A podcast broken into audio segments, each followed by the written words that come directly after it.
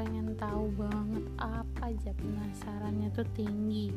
Dan yang jelas aku tuh nggak suka dikentangin. Jadi kalau ada yang cerita terus tuh ceritanya kentang nggak sampai ke penjelasannya nggak sampai selesai kayak gimana gitu. Dan jadi apa pun itu harus jelas. Nah di sini bakal jadi tempat buat aku nanya-nanya buat aku tahu jawaban hal-hal yang buat aku penasaran dan apa aja yang mau aku tahu yang jelas di sini bakal ada beberapa teman yang punya lebih banyak pengalaman punya banyak ilmu dan punya kapasitas untuk menjawab dengan jelas.